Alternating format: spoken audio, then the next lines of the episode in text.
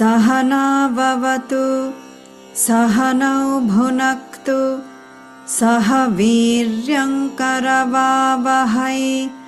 तेजस्विनावधीतमस्तु मा विद्विषावहै। ॐ शान्तिः शान्तिः शान्तिः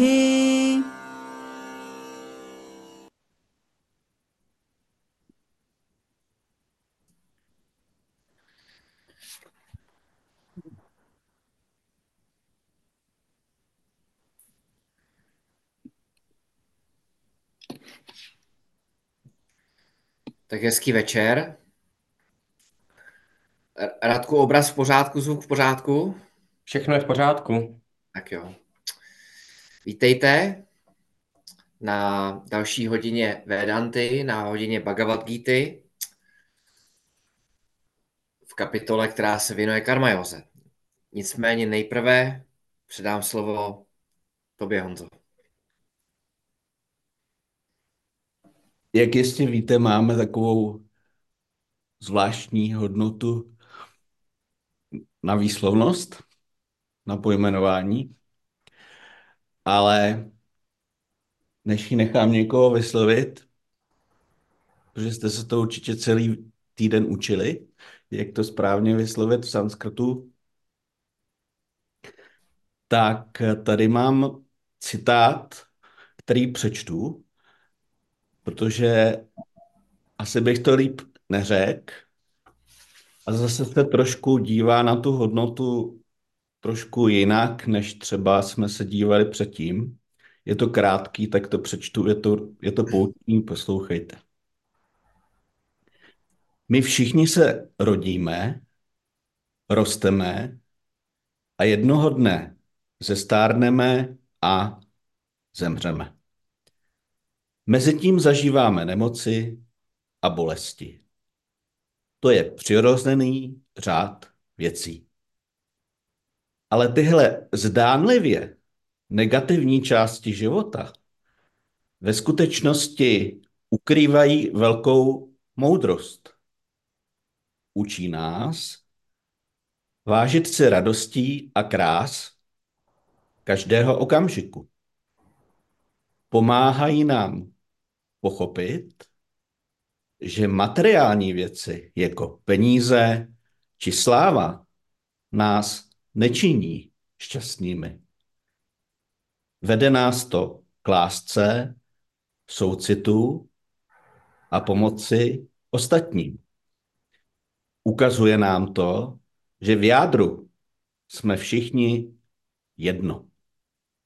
Když někdo trpí, trpíme všichni. A když někomu pomůžeme, cítíme v duši klid a mír a radost. Takže když potkáte někoho nemocného nebo starého, buďte laskaví a trpěliví. Vždyť je to jen zrcadlo vaší vlastní budoucnosti. A pomáhejte jim. Vždyť oni jsou ti, až jednou také zestárnete.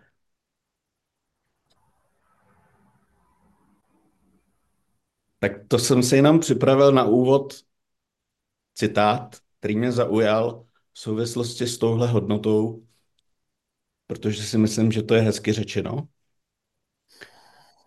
A kdo si troufne vyslovit, jakou hodnotu probíráme. A ne, nemusíte říct to zaklínadlo, stačí, stačí, když si zapamatujete tu zjednodušenou verzi, kterou jsem minulé podal, protože to zaklínadlo pak já klidně řeknu.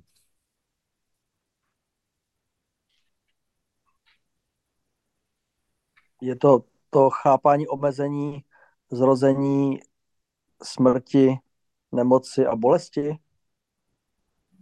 To je doslovný překlad. A já jsem to minule zjednodušil.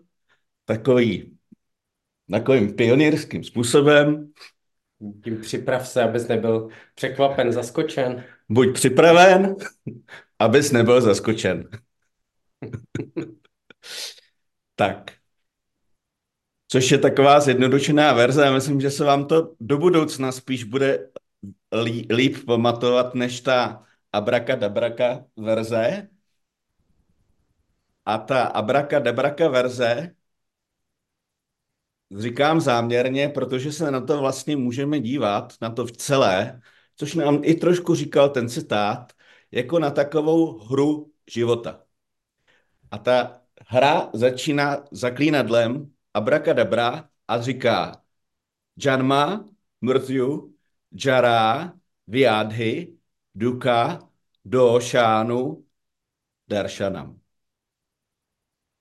A když se teda na to podíváme jako na tu hru, tak když stiskneme to tlačítko Start, tak tam máme Janma.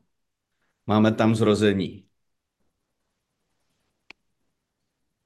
A když tam máme zrození, tak tam máme rovnou mrtvu, neboli smrt.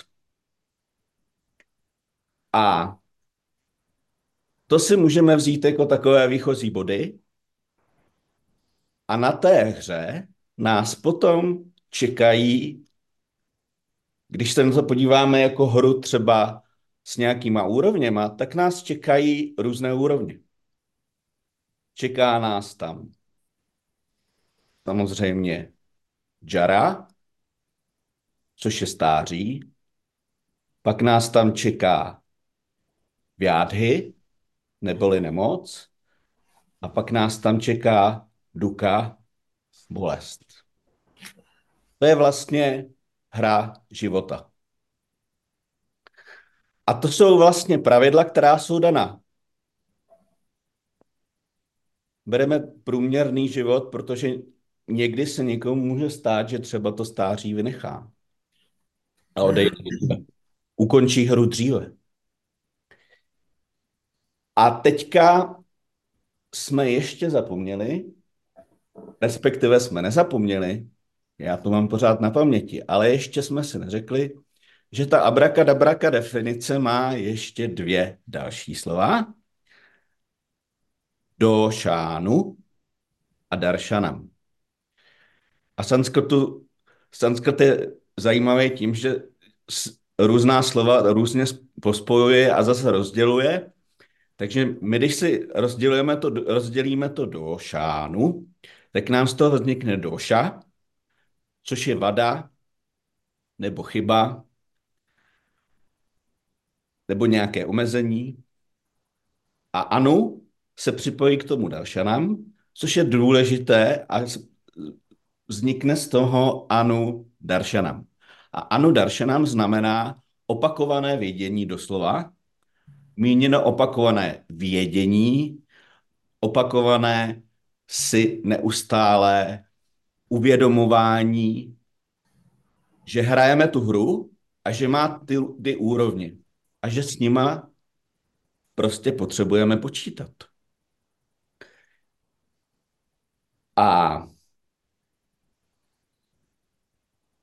což jsme minule úplně neprobírali tak dohloubky, protože jsem se to schoval na dnešek, je ta duka, neboli bolest, ale ještě předtím jsem chtěl říct, že samozřejmě, když hrajeme hru, když si to když připodobníme ke hře, tak my moc dobře víme, že v ní nemůžeme vyhrát jakoby v tradiční hře, protože je tam ta mrtvu, nevyhnutelně, tam je ta smrt.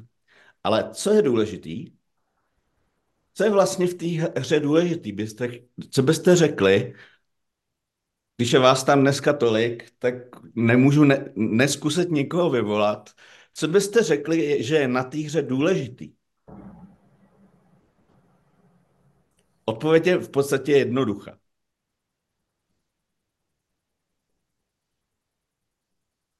Víme, že začne a víme, že skončí. A víme i, jak skončí. Ale co je důležité na té hře?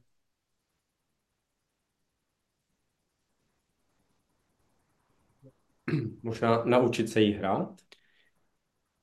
Blízko. Pochopit, že je to hra? Taky blízko. Důležité je, jaký hrajeme. Takže jinými slovy, ano, naučit se ji správně hrát. Ale vlastně je důležité, jaký hrajeme. Protože, můžeme ji hrát špatně, můžeme ji hrát průměrně, anebo ji můžeme hrát virtuózně. Protože víme, co všechno ta hra obsahuje, jaký má všechny úrovně.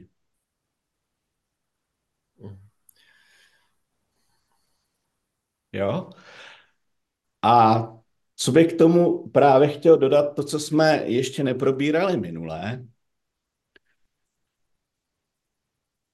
a to je ta duka, neboli bolest. Protože kdo si, jste si četli ten text, který už jsme si probírali, už, už je to nějakou dobu, Radigo možná posílal, nevím, jestli ho posílal teďka jako aktualizační a určitě na tom, na tom disku, kdyby někdo ho, si ho chtěl osvěžit, tak máme tři úrovně té bolesti. Asi možná by někdy ohodl, jaké tři úrovně, protože jsme měli i v té úvodní mantře.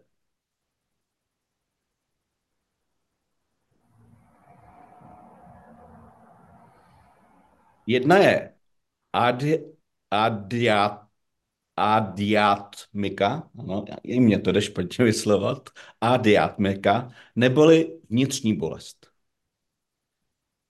Což znamená, že jsou to všechny naše myšlenky, pocity, strachy, obavy a tak dále.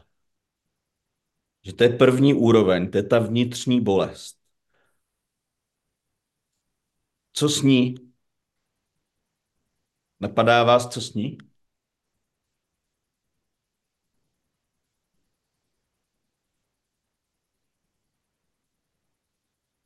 Nikomu by určitě něco řeklo Šamadama, že určitě může pomoci ovládání smyslu a může i pomoci ovládání mysli. A my víme, že my se neovládáme násilně, ale že se spíš snažíme ty myšlenky správně směrovat. Takže s tou vnitřní bolestí můžeme stoprocentně něco dělat, máme na to nástroje. Dokonce i současná věda, současná psychologie, po případě i psychiatrie, na to má určitě nástroje. Dokonce asi i dobrý spovědník by to zvládl. Pak máme vnější bolest, adhy bhautika, což je ten svět kolem nás, běžný, ten běžný svět kolem nás, všichni lidi, situace, ale dokonce i naše tělo.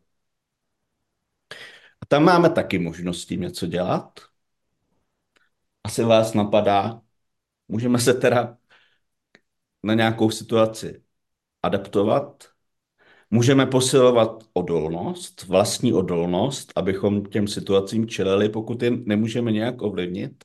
A nebo se můžeme snažit i nějak ovlivnit, protože například, když máme hodinu Vedanty a soused začne vedle vrtat, tak my můžeme u něj zazvonit a požádat ho, jestli by třeba hodinu nepočkal a třeba mu dát za to nějaký drink nebo něco takového. Takže to jsou situace, které teoreticky můžeme i řešit.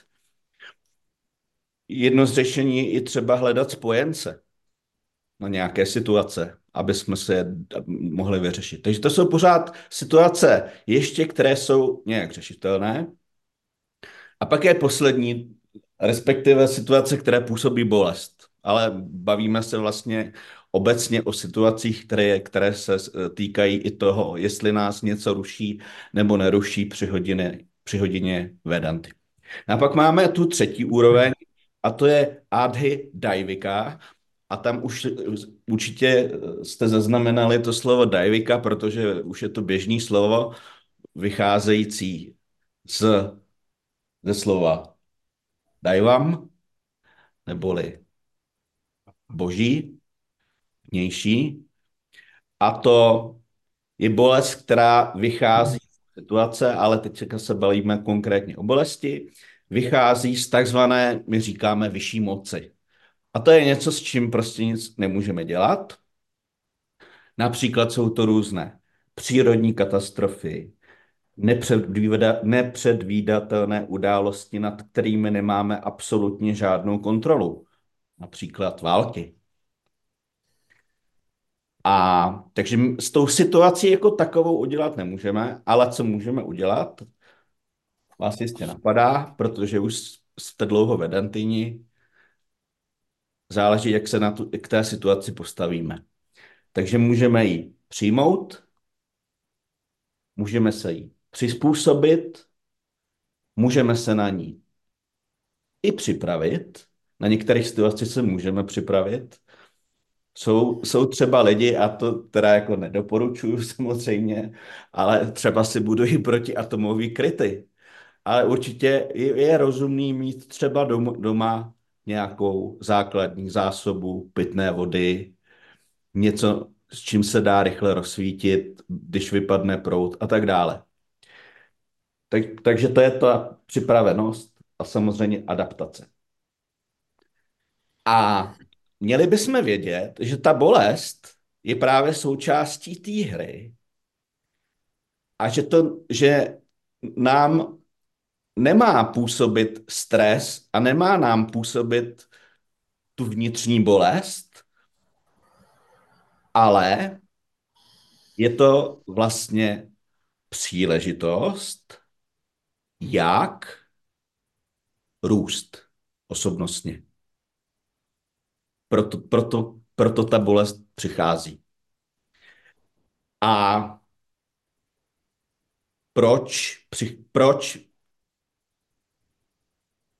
uh, je to vlastně příležitost? Protože jsme na to připraveni, jsme na to vybaveni. Protože když, když použijeme správné úsilí, správnou strategii a správné odhodlání, tak spoustu z těch bolestí dokážeme ne třeba vyřešit, některé dokážeme i vyřešit, ale k některým se od některé mm, bolesti nebo k některým bolestem uh, můžeme právě najít tu akceptaci, přizpůsobení a tak dále. Takže bolest bychom měli v tomto kontextu vnímat jako součást hry, která nás má přivést k rozvoji osobnosti. Jaké otázky? Už přetahuju totiž. Já bych si možná jenom doplnil, eh, nebo na něco jsem si vzpomněl, Honzo, za tím, co jsi hovořil, a sice řada z nás studovala uh, Even This Shall Pass Away uh, od Theodora Tiltna, báseň, poměrně známou báseň, která de facto bere uh, většinu z těch složek, který jsi zmínil a ukazuje člověka, který nad uh, těmi jednotlivými aspekty typu bolest, nemoc, umírání právě má ten nadhled.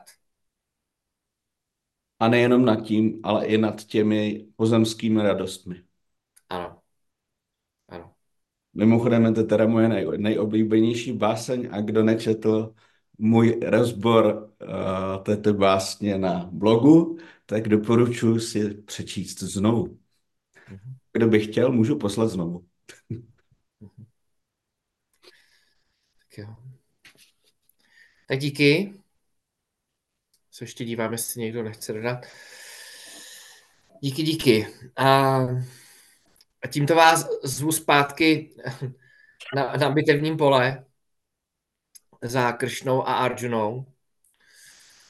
A připomínám, protože nám vždycky uplyne týden, že se nacházíme v kapitole 3, která se zabývá karma jogou.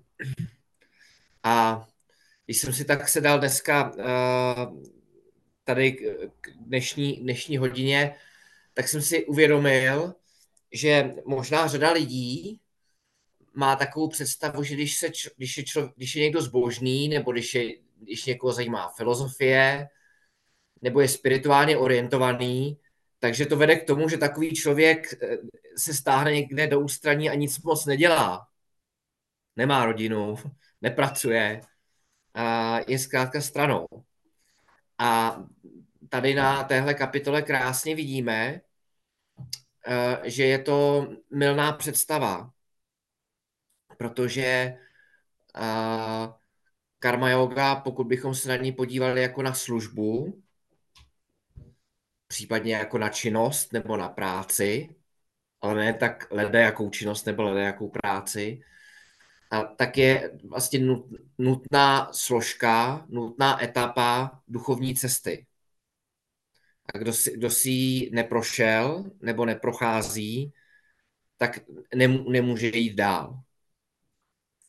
Takže taková ta představa, že eh, člověk, který eh, není připraven, nezískal tu potřebnou eh, kvalifikaci, neočistil svoji osobnost prostřednictvím karma že odjede někam do ašrámu nebo do Himaláje nebo do kláštera a, a tam bude meditovat a dosáhne osvícení, je do značné míry naivní a milná představa.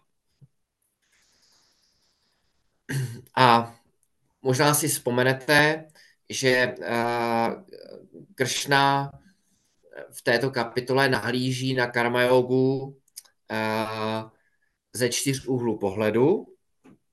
My jsme některé z nich probrali.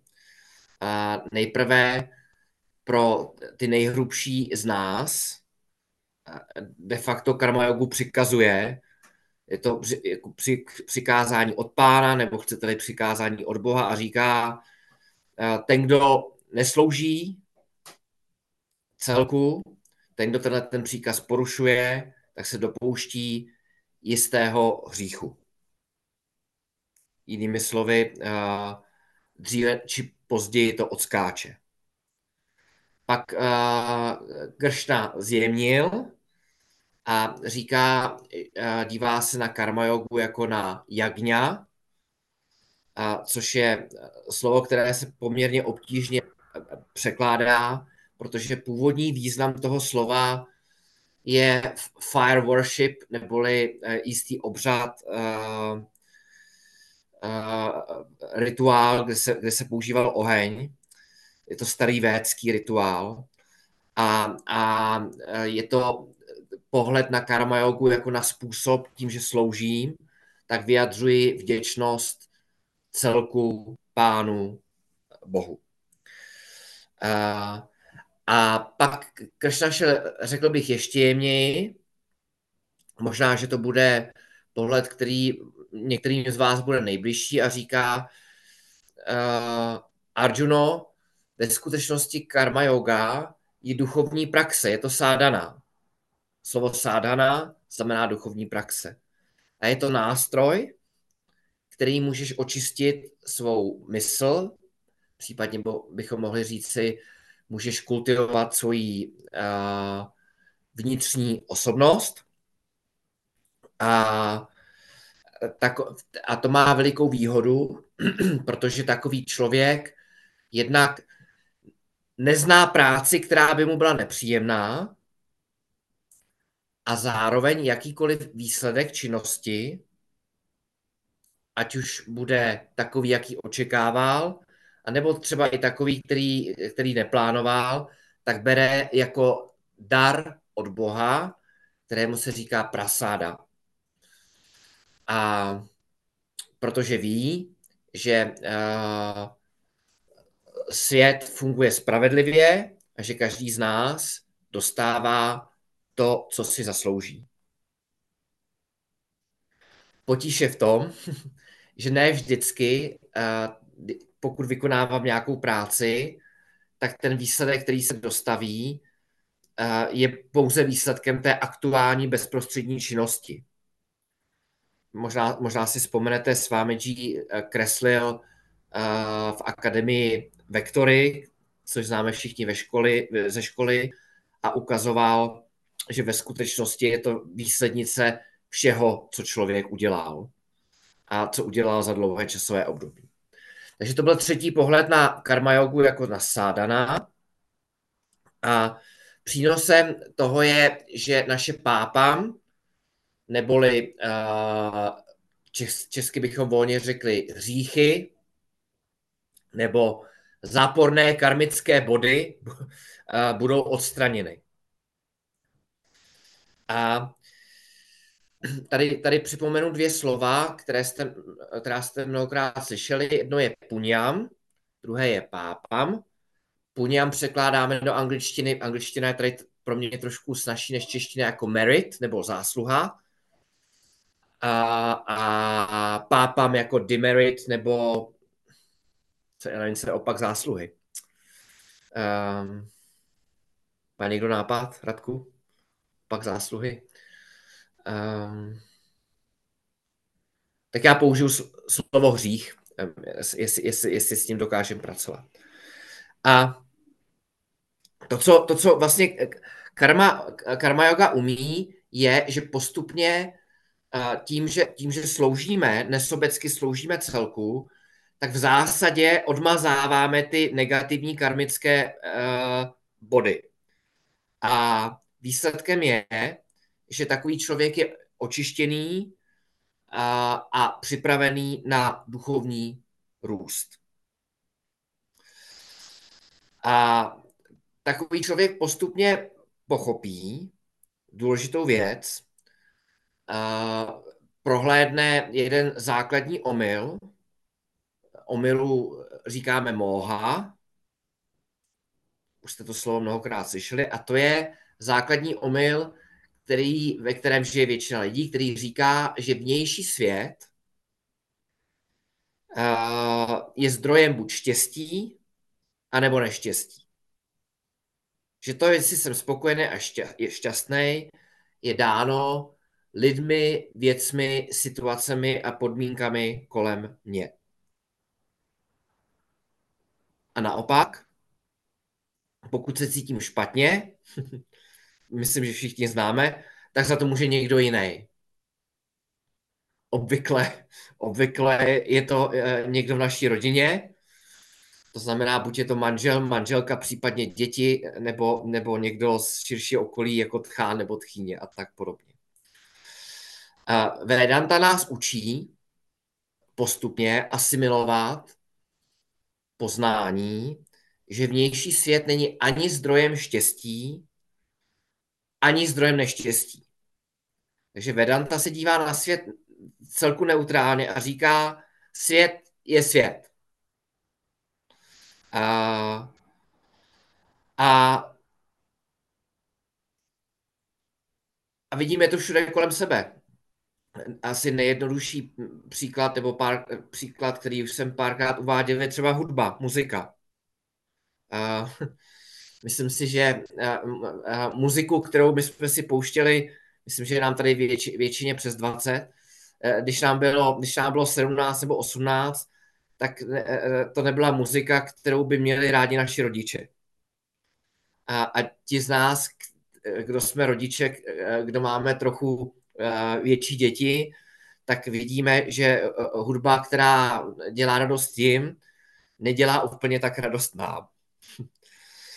To znamená, že, že uh, svět jako takový není sám o sobě příčinou ani štěstí, ani příčinou neštěstí. A takže Vedanta nás postupně učí, že pokud zlepšujeme svět kolem sebe proto, abychom byli šťastní, tak tato cesta sama o sobě nevede k cíli. To neznamená, a to už jsme si mnohokrát řekli, že bychom eh, neměli pečovat o svět, o svět okolo sebe. A neznamená to, že bychom neměli kultivovat svět okolo sebe, ale, ale měli bychom vědět, že, že to není recept na klid, bezpečí a štěstí. A To znamená, že uh, Vedantin postupně chápe lépe a lépe, zřetelněji a zřetelněji, že ve skutečnosti je to můj postoj ke světu, k věcem, k lidem, k situacím, ke zprávám, politikům, k městu, ve, ve kterém žiji. Postoj, který přináší buď smutek nebo radost. A, a tady je dobré si připomenout něco, čeho jsme se už v minulosti dotkli, a sice, že jakákoliv změna postoje je způsobená nebo dosážená prostřednictvím poznání. Nevím, jestli to bude dobrý příklad, ale pokud bychom se podívali pár desítek let zpátky, tak třeba i na staré filmy, na dobu e, černobílých filmů rozhodně, tak e, cigareta byla symbolem elegance. Mnohokrát bylo zobrazeno ve filmech, jak gentleman zapaluje cigaretu dámě, nabídne cigaretu, nabídne, za, za, zapálí. A, a tenkrát málo kdo chápal, pokud někdo, nemám to na to zmapovaný, jak je kouření nebezpečný. Ale díky tomu, že jsme to díky lékařské vědě poznali, pochopili, proskoumali, tak tohleto poznání vedlo k zásadní změně postoje k cigaretám. A většina z vás, z nás by své milované dívce cigaretu dneska ne, nepřipalovala, předpokládá. To znamená, chtěl jsem jenom ilustrovat to, že, že uh, ještě řeknu celou tu logiku. Za prvé jsem řekl spolu s Vedantou, že svět je svět a jako takový není zdrojem ani štěstí, ani neštěstí, ale důležitý je náš postoj. A to, jaký máme k věcem postoj, případně to, jaký máme postoj ke světu jako celku, vyplývá eh, z našeho poznání, z našeho chápání. A jakmile začnu usilovat o tohleto poznání, o filozofické poznání světa, jedince, Boha, proč tady jsme, kde jsme se tu vzali, tak se ze mě stává duchovní hledající spirituální člověk. A proto třeba Adi Shankaracharya napsal text, který jste všichni možná s výjimkou Johana studovali, které, který nazval Bhaja Govindam a který bývá uh, nazýván uh, úderně souslovím moha mudgara, neboli kladivo na omylny, omily, nebo kladivo na uh, pomílení.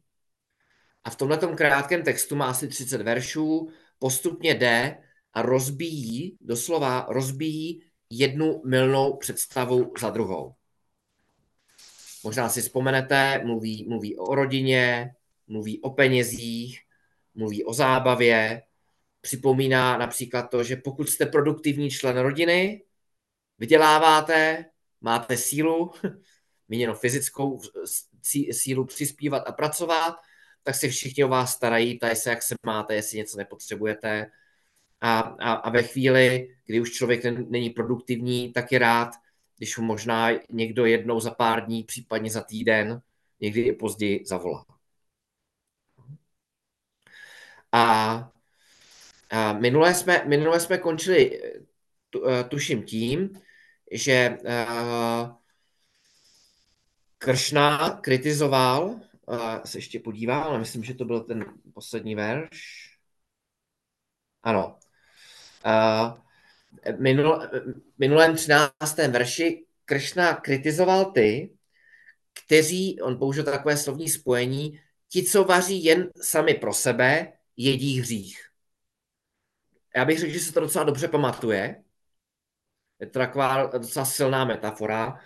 A, a vaření symbolizuje jakoukoliv činnost. Čili pokud bychom to interpretovali volněji, ale tak, jak pravděpodobně Kršna chtěl, tak pokud cokoliv dělám sám pro sebe, pouze sám pro sebe, tak se dopouštím hříchu. Neboli vzdaluji se od své vlastní podstaty, od své vlastní esence. A... Tak. Mimochodem, kdysi dávno, to zřejmě bylo v Indii tak, že než se začalo vařit, tak se vzalo trochu rýže, dalo se to stranou pro případ, že by, že by někdo měl hlad a tu rýži potřeboval, když si naschromáždil trošku víc, tak se dala těm, kteří neměli co jíst. A, takže, takže Kršna kritizoval ty, ty takzvané karmís. Karmí je ten, kdo se stará sám o sebe, ten, kdo vaří jen sám pro sebe a tím, že vaří jen sám pro sebe, tak jí hřích, jinými slovy hřeší, zanáší svoji osobnost vnitřními nečistotami.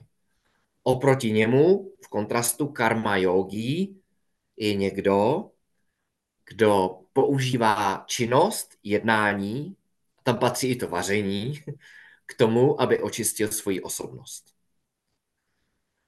Tak tam někam jsme se dostali eh, a než eh, Radek pustí další verš, tak eh, se jenom na vás podívám, jestli se nechcete někdo něco zeptat, případně něco dodat.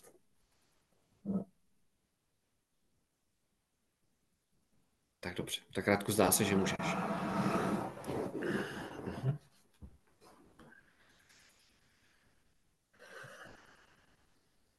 अन्नाद्भवन्ति भूतानि पर्जन्यादन्नसम्भवः यज्ञाद्भवति पर्जन्यः यज्ञः कर्मसमुद्भवः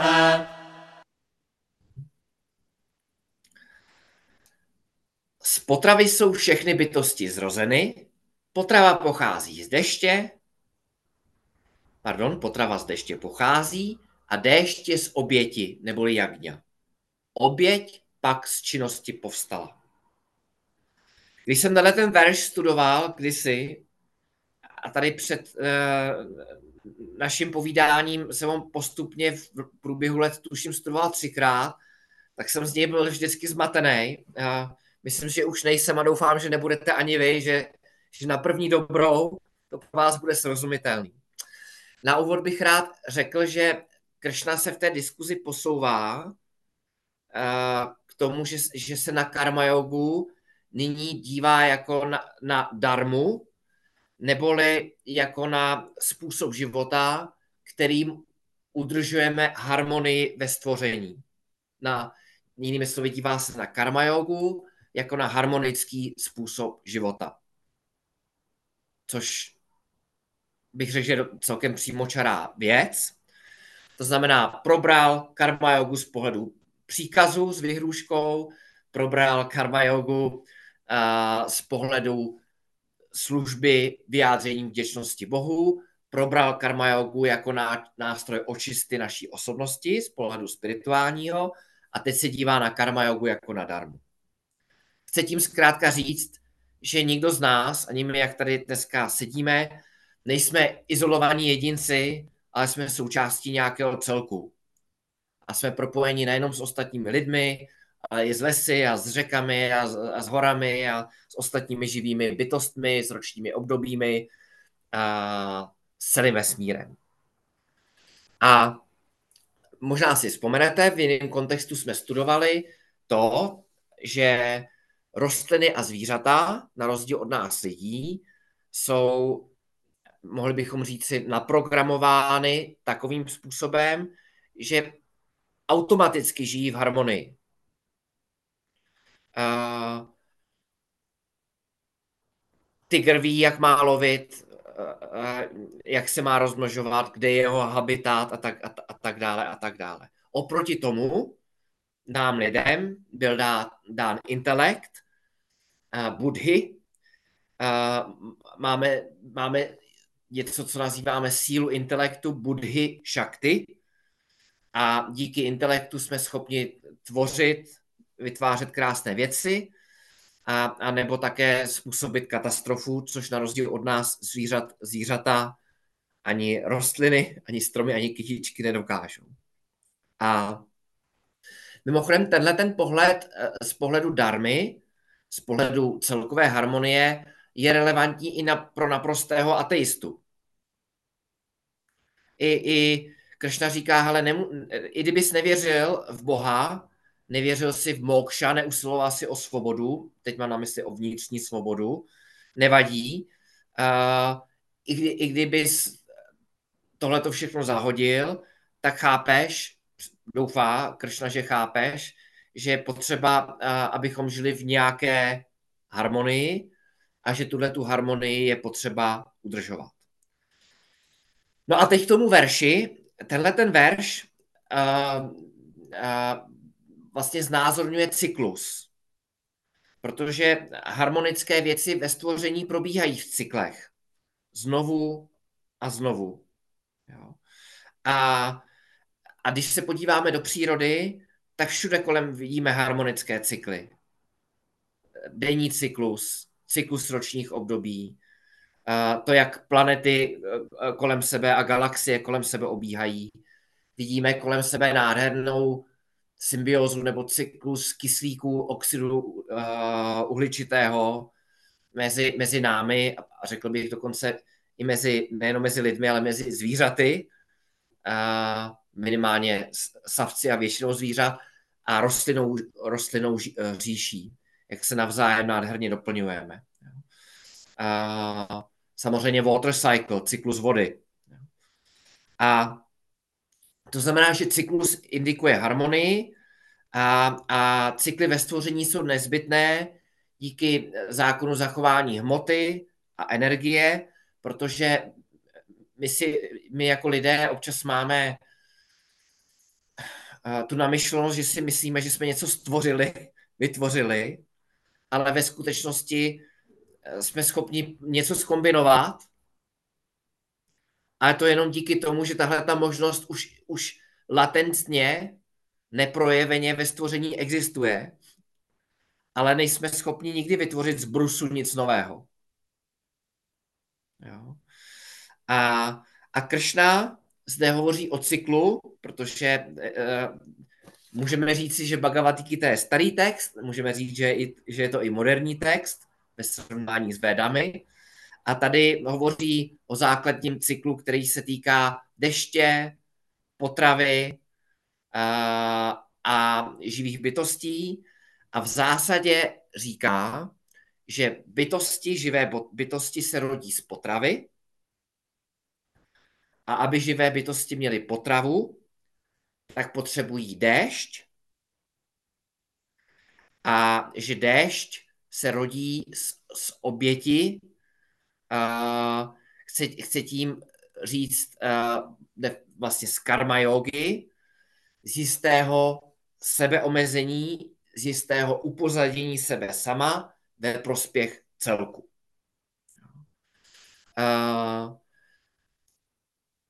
A, a to je mimochodem, tady stojí za to se dotknout i toho, abychom si položili otázku, jak udržíme rovnováhu v přírodě, celku, tak uh, Kršna by řekl pomocí karma yogi, v tomto kontextu má na, mysl, na mysli jistě nejenom službu, ale i jisté přiměřené sebeomezení a vyhnutí se zneužití přírody. Jeho, abychom nenahlíželi na planetu a na přírodu pouze jako na zdroj, ze kterého můžeme všechno do nekonečna tahat a brát. A, a chce nám říct, hele, není potřeba, aby my lidé jsme vytvářeli přírodní rovnováhu, protože příroda, celek vesmír je sama o sobě harmonická. Jde o to, abychom se vyhli jejímu přílišnému narušování. Takže nejlepší pohled, je do harm- nebo nejlepší pohled, nejlepší přístup je do harmonie, pokud možno moc nezasahovat. Naším úkolem, úkolem lidských bytostí není vytvářet harmonii přírody. Takže to, to, to spojení v tom verši ještě jednou zkusím schrnout. Živé bytosti jsou zrozeny z jídla, jídlo přichází uh, díky dešti, a déšť díky jisté kosmické harmonii a harmonie, uh, harmonie tady je díky karmajóze. Což vlastně se cyklus uzavírá, protože bychom mohli říci, že na, na počátku je karma yoga a, a my víme, že každý z nás a naše karma, to znamená v tomto případě Petr a jeho konání, jsou vlastně vzájemně propojený. A z toho vyplývá, že pokud žiju ve společnosti, tak je potřeba, abych ji nějakým způsobem podle svého talentu a podle svých možností přispíval. A tím se, tím se vlastně celý ten cyklus uzavírá. Protože kdykoliv jim, i když jsem to uvařil, nebo když to někdo z nás uvařil, tak beru a spotřebovávám. A kdykoliv pracuju a sloužím ostatním, tak přispívám. Jo.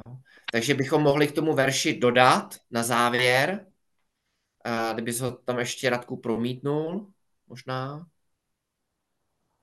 Mhm. Jo, vlastně ten verš končí tím, že ta, ta oběť uh, z činnosti povstala a my bychom mohli dodat a, a činnost povstala vlastně zase z těch živých bytostí. Takže, takže aniž bychom ten verš příliš analyzovali a zamotali se v něm, chce nám ukázat cyklus. Cyklus, který probíhá v přírodě a chce nám ukázat, že celý vesmír je v harmonii a že se můžeme dívat na karma jogu jako na dharmu, neboli způsob života v harmonii, kdy si uvědomuji, že beru a, ne, a pokud nebudu brát, tak, tak umřu, nemůžu, nebudu mít nic na sebe, zmrznu a umřu hlady. A pokud tedy beru, tak je potřeba, abych pokud možno dával aspoň stejně, nebo pokud to půjde, což ve skutečnosti skoro nejde, dával více, než jsem vzal. Mhm. Můžu se ho zeptat?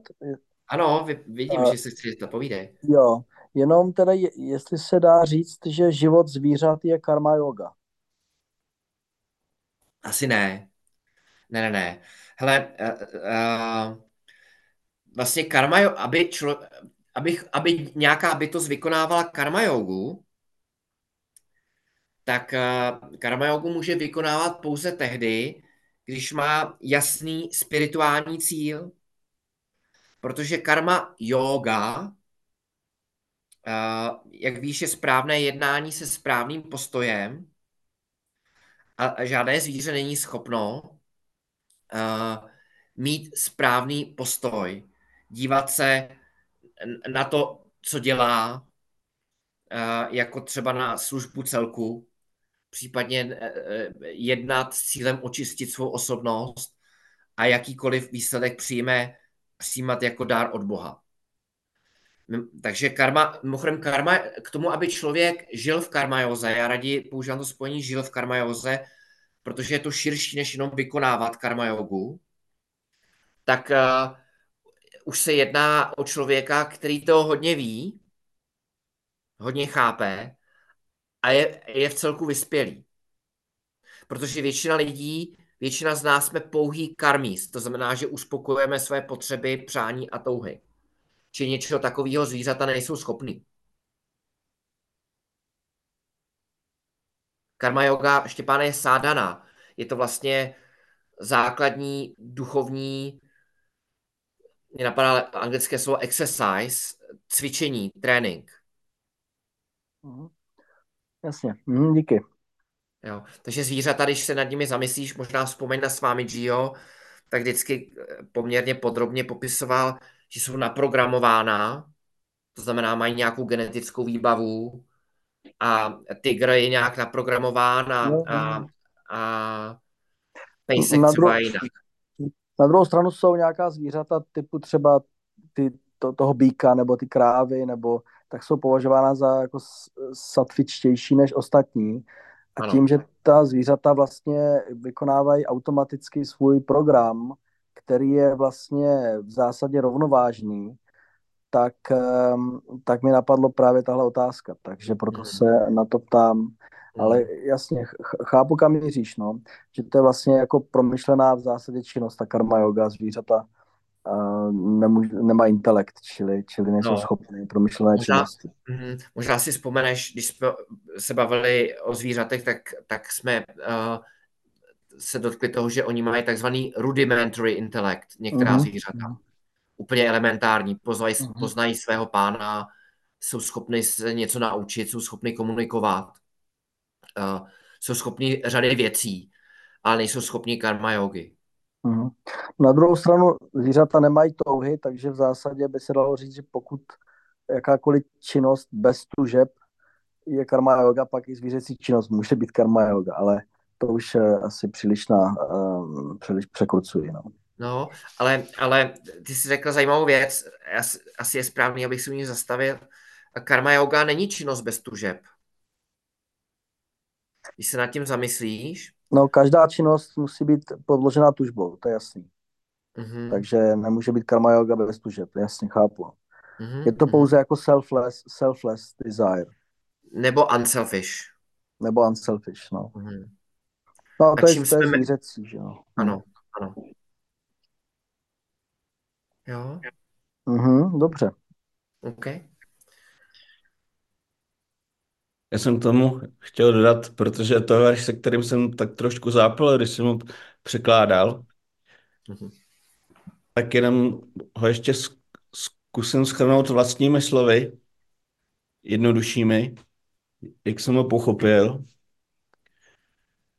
Vlastně Krishna teď v roli Bhagavána, neboli toho stvořitele a udržovatele toho stvoření, říká, já jsem tady stvořil dokonalý svět, všechno funguje perfektně, všechno do sebe zapadá, všechno funguje v perfektní harmonii.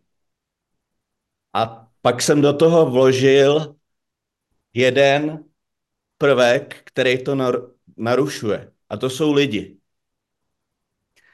To jsem udělal záměrně, protože jsem je chtěl naučit, aby se naučili, že ten svět je sám o sobě harmonický a že oni tu harmonii pouze nemají narušovat, nemají do ní házet vidle.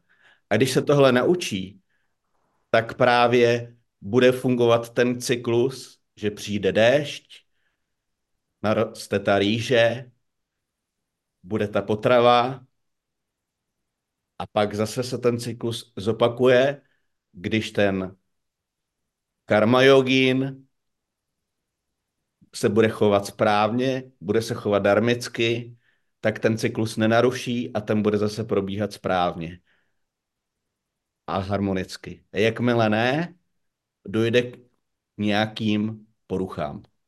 A to bychom měli právě si z tohohle verše vzít. A to je vysoce, vysoce ekologický verš, který mě se strašně líbí a doporučoval bych ho všem opravdovým ekologům si vzít za svý. Díky. Patnáctka na to pěkně naváže.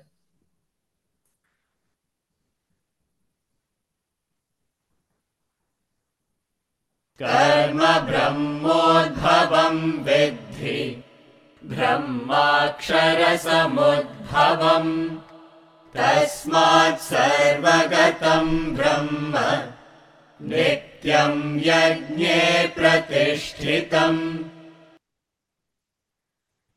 Věz, že karma z véd se zrodila, z věčného pána pak védy vznikly. Proto jsou védy všudy přítomné a v oběti navždy ukotvené.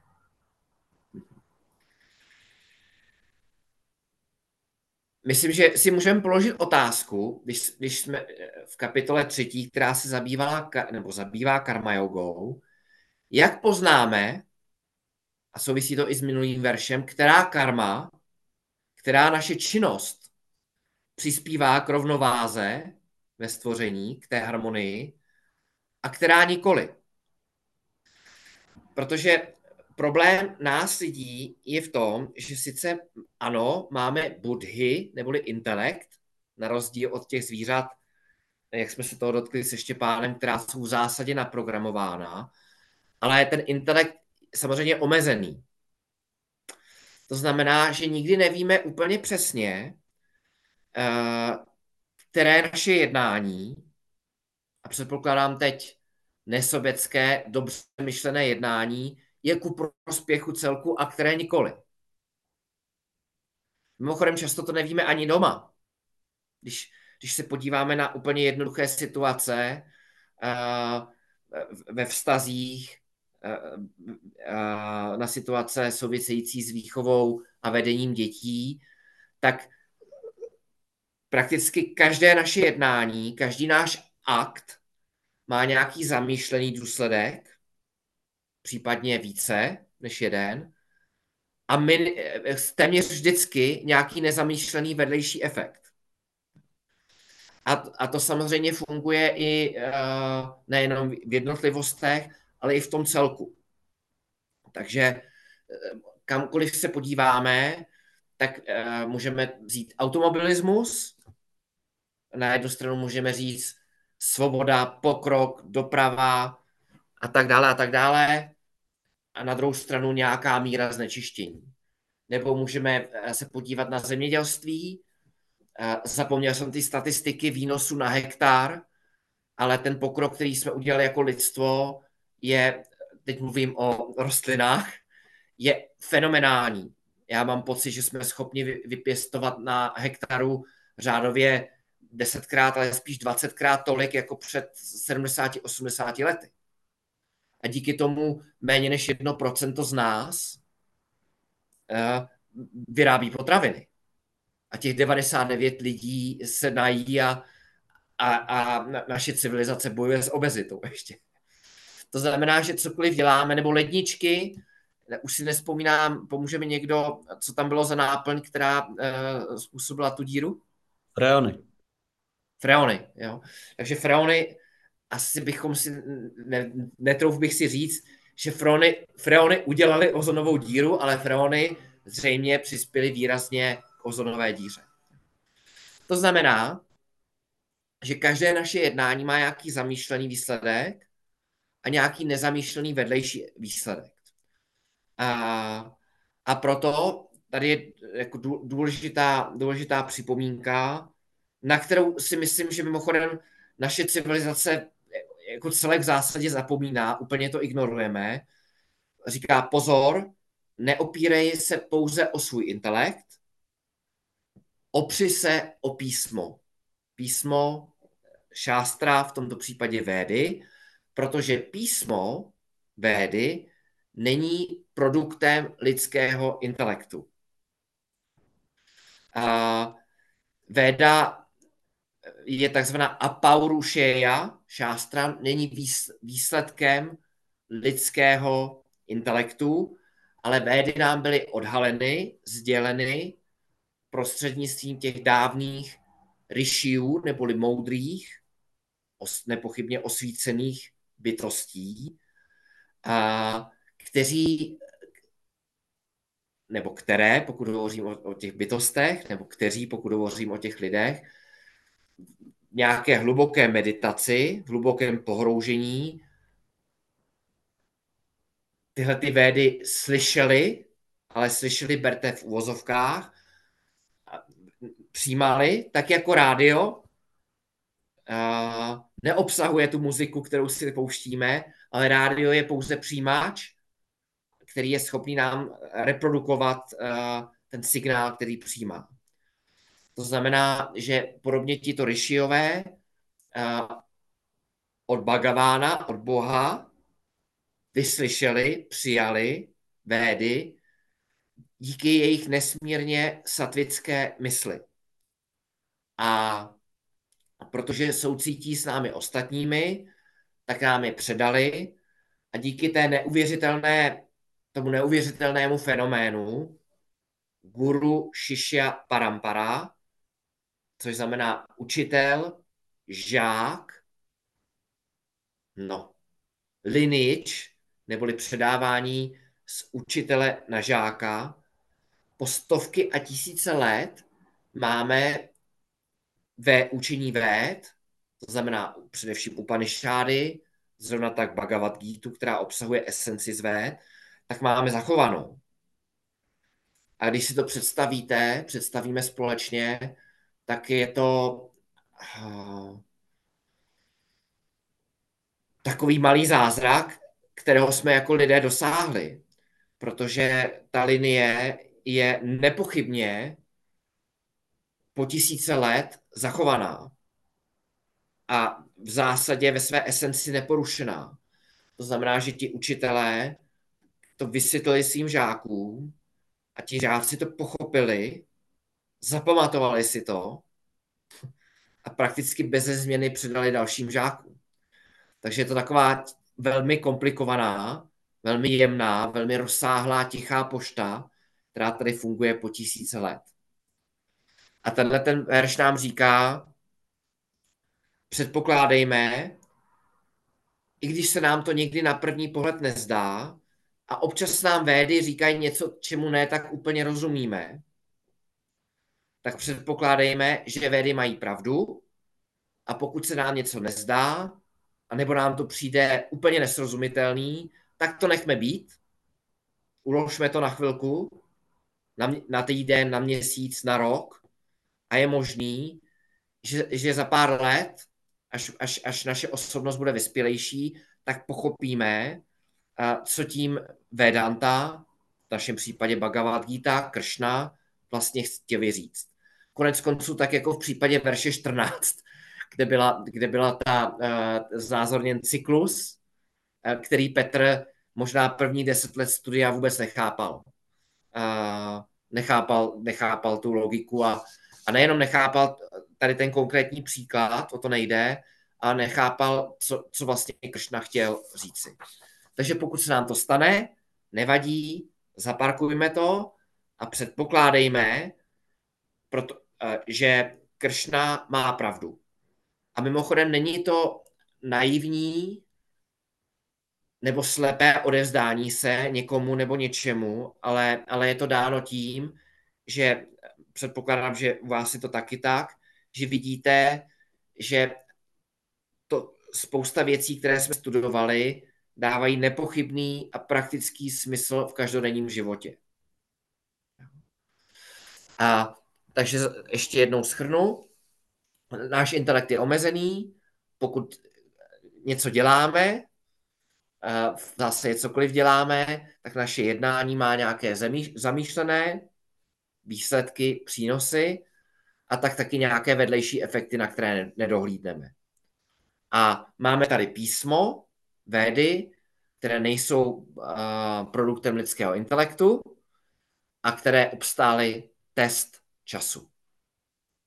A proto je potřeba se o ně opřít a nebýt arrogantní jenom proto, že je nám 30, 40 nebo 50 a máme pocit, že jsme relativně úspěšní, takzvaně úspěšní, že eh, pokud něco děláme, že to vždycky uh, děláme správně.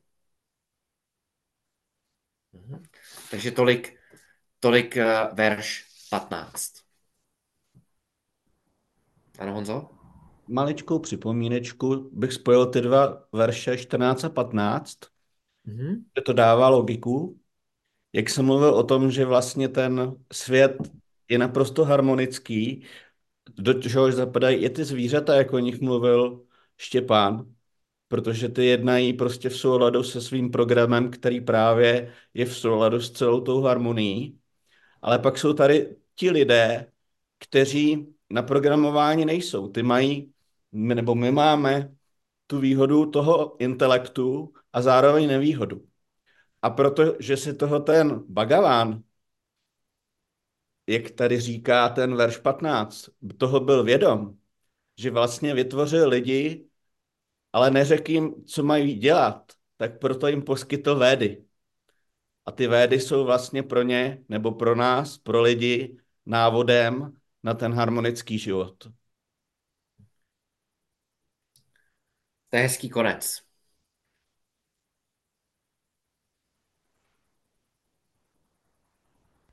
Om Purnamadav Purnamidam Purnat Purnamidam पूर्णमुदच्यते। पूर्णस्य पूर्णमादाय पूर्णमेवावशिष्यते। ॐ शान्ति शान्ति शान्तिः